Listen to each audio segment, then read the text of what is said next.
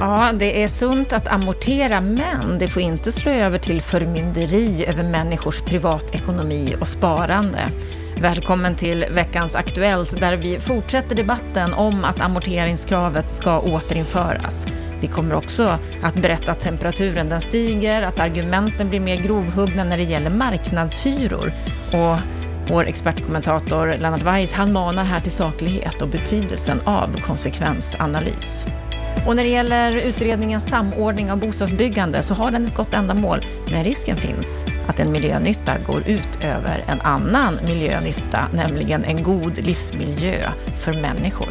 Varmt välkommen till Bopolpodden och vårt veckans Aktuellt där vi tar upp det senaste som har hänt under veckan. Jag heter Anna Bellman. Den senaste veckan så har vi ju sett en förlängning av det som verkligen var i ropet förra veckan, nämligen att amorteringskravet återinförs efter sommaren. Och nu är det fler som har uttalat sig och sagt att det här är absolut inte okej okay på något sätt, eller att det i alla fall att det behöver ses över, det system som finns. Och nu har vi sett att Avanzas VD och SBABs VD har gått ut och reagerat på amorteringskravet och kallar det för förmynderi. Vad säger du om reaktionen från bank här, Lennart Weiss? Jag är förvånad över att den har kommit så pass sent. Därför att vad det här egentligen handlar om det är ju hur stora riskmarginaler behöver ett hushåll ha för oväntade händelser. Och då säger ju eh, Danielsson med stöd från eh, Avanzas VD att eh, det är orimligt att vi ska behöva ha sådana säkerhetsmarginaler som att hushållen ska ner på en belåningsgrad på 50 procent. Men, och, och, jag kan dela den eh, kritiken. Tidigare så, så, menade man ju att 70-80 procents belåningsgrad var good enough. Då hade man de säkerhetsmarginaler som krävdes. Men, men egentligen så kan jag tycka att de är lite väl snälla i debatten därför att om man tittar hur Finansinspektionen i praktiken driver eh, sin, sin policypolitik här så går det ut på att hushållen eh, i praktiken ska amortera ner till noll. Om du tänker efter, va, så om hushållen idag har 2% löpande amorteringar och det är inte gripet ur luften utan 88 procent utav, utav bolånetagarna eh, med nya bolån, de har en amorteringstakt då på eh, 2% per år. 2% amortering och sen har du eh, till det en, en, ehm, en inflation eh, Eh, på mellan 1 och 2 procent. Då är alltså den reala amorteringstakten mellan 3 och 4 procent per år. Det betyder att ett bolån betalas av på 30 år. Och varför ska vi göra på det sättet? Alltså för ett år sedan så hade vi en liten debattväxling eh, mellan Tidén och mig och, och Attefall.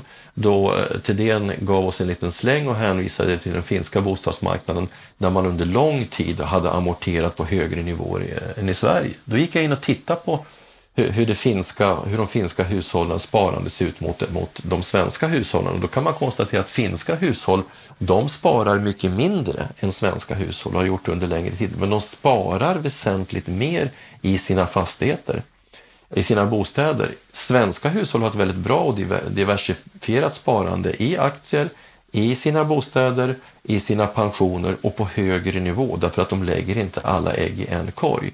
Så att man kan ställa två frågor. Hur ska sparandet se ut? Vad är en bra fördelning? Och hur långt ska du så att säga amortera ner dina bostäder eller omvänt? Hur mycket ska du spara i ditt, i ditt eget boende?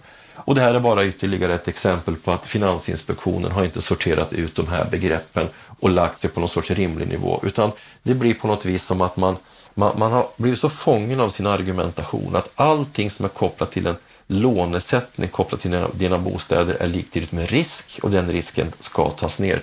Trots att bo, deras egna bolånerapporter visar att hushållens återbetalningsförmåga, eh, förmåga att absorbera stigande räntor eller ökad arbetslöshet är extremt hög. Det är bara att läsa innantill från den senaste bolånerapporten. En annan sak som eh, Rickard Josefsson, vd då på Avanza, reagerar emot är det här med femårsregeln, att man inte får omvärdera sin bostad mer än vart femte år. Och han menar att eh, det kanske inte är helt optimalt att omvärdera den en gång i halvåret, men i alla fall vartannat år borde det gå, för saker och ting förändras ju. Absolut, och det kan ju förändras upp och ner, så att eh, jag delar helt den uppfattningen och det visar ju också nackdelarna när man går över till ett allt mer regel, en, en allt mer regelstyrd bostadsmarknad. Alltså, det, det, som är lite komiskt med de här gubbarna, eh, Thedéen och Ingves, va? det är att de i ena änden är för mera marknadsekonomi. De pratar alltid om strukturella förändringar. På hyresmarknaden, där vill de ha marknadsekonomi och så lite politiska ingrepp som möjligt. Men på ägarmarknaden så vill de tillbaka till den här gamla halvstatliga, halvsocialistiska politiken som vi hade förr där staten skulle reglera priser och hyror och, och, och överlåtelsevärden och vad det nu var. Vi är på väg tillbaka dit, eh, till en sorts administrativ styrning av bostadsmarknadens funktionssätt. Eh, och på ägarmarknaden är det definitivt inte lyckat. Däremot så finns det faktiskt argument för det på hyresmarknaden, för hyresmarknaden är en del av en konsumentlagstiftning. Men sådana här grundläggande begrepp har de inte koll på på våra myndigheter och det är därför det blir så stolligt som det hela tiden blir.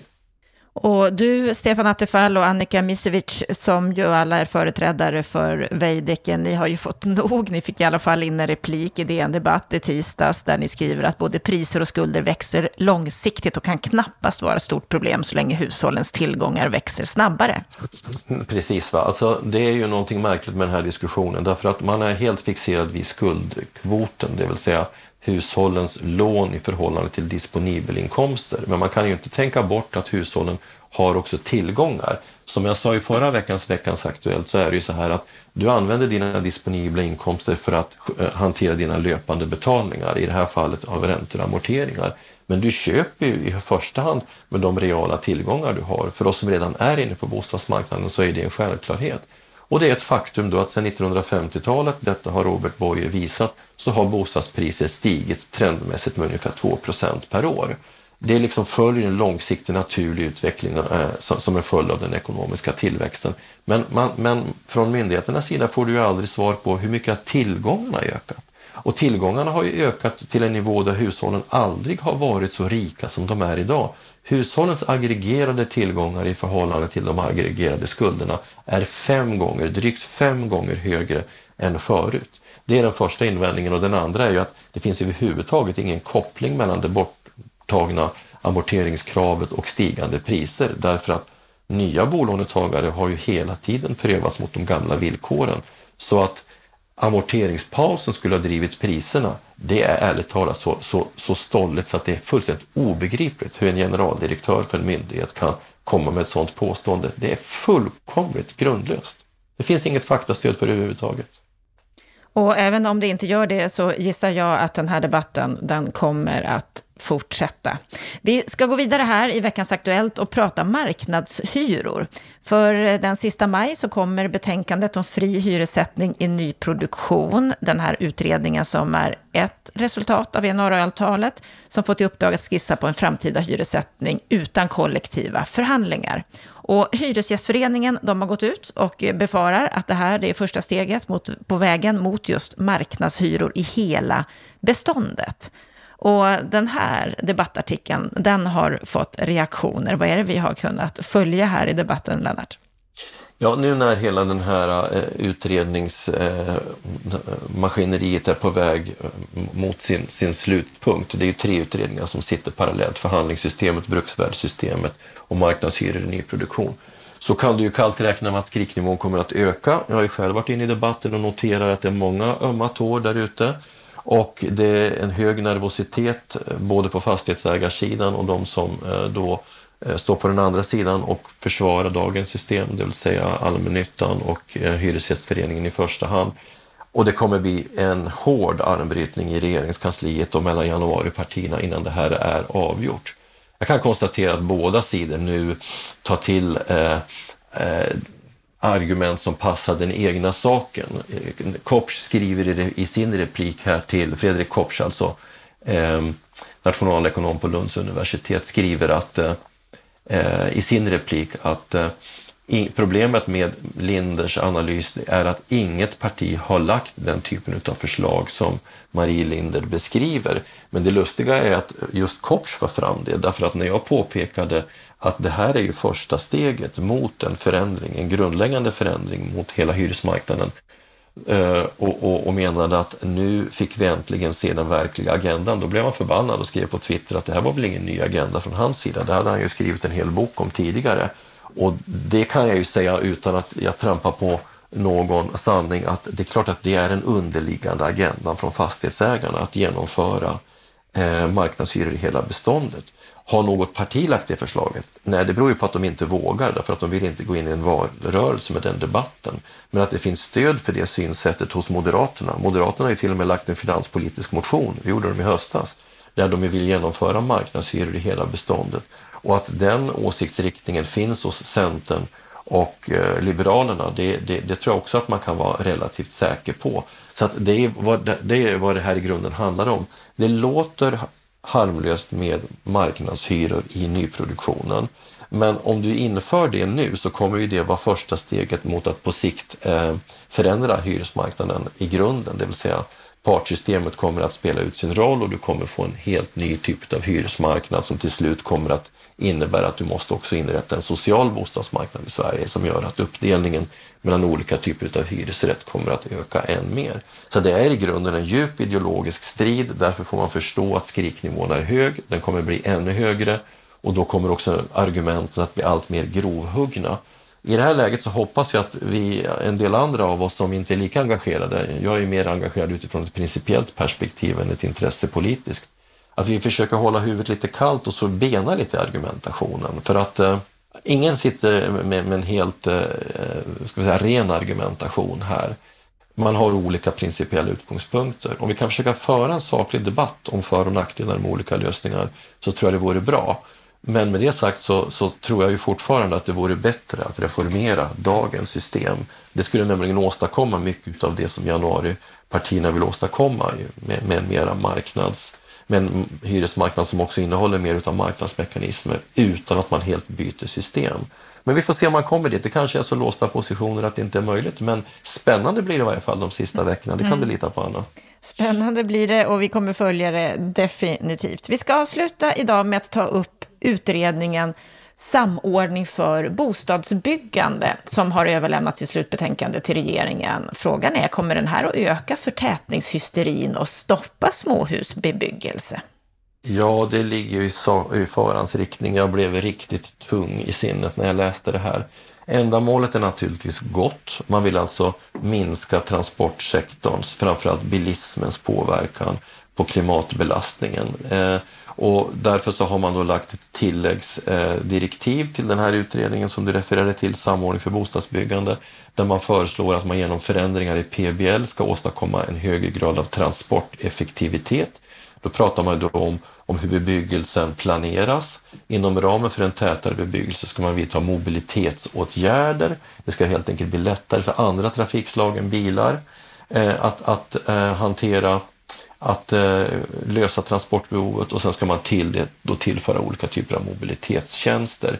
Så det är ett sammanhållet förslag som ju väldigt entydigt styr mot tätare eh, bebyggelse med minskat bilberoende och eh, som kommer att eh, ytterligare lägga sordin på, på de som då eh, vill ha mer utav en villabebyggelse. Och jag tycker att det är olyckligt och en väl jag tycker man agerar väl snabbt här och långtgående utifrån ett gott ändamål.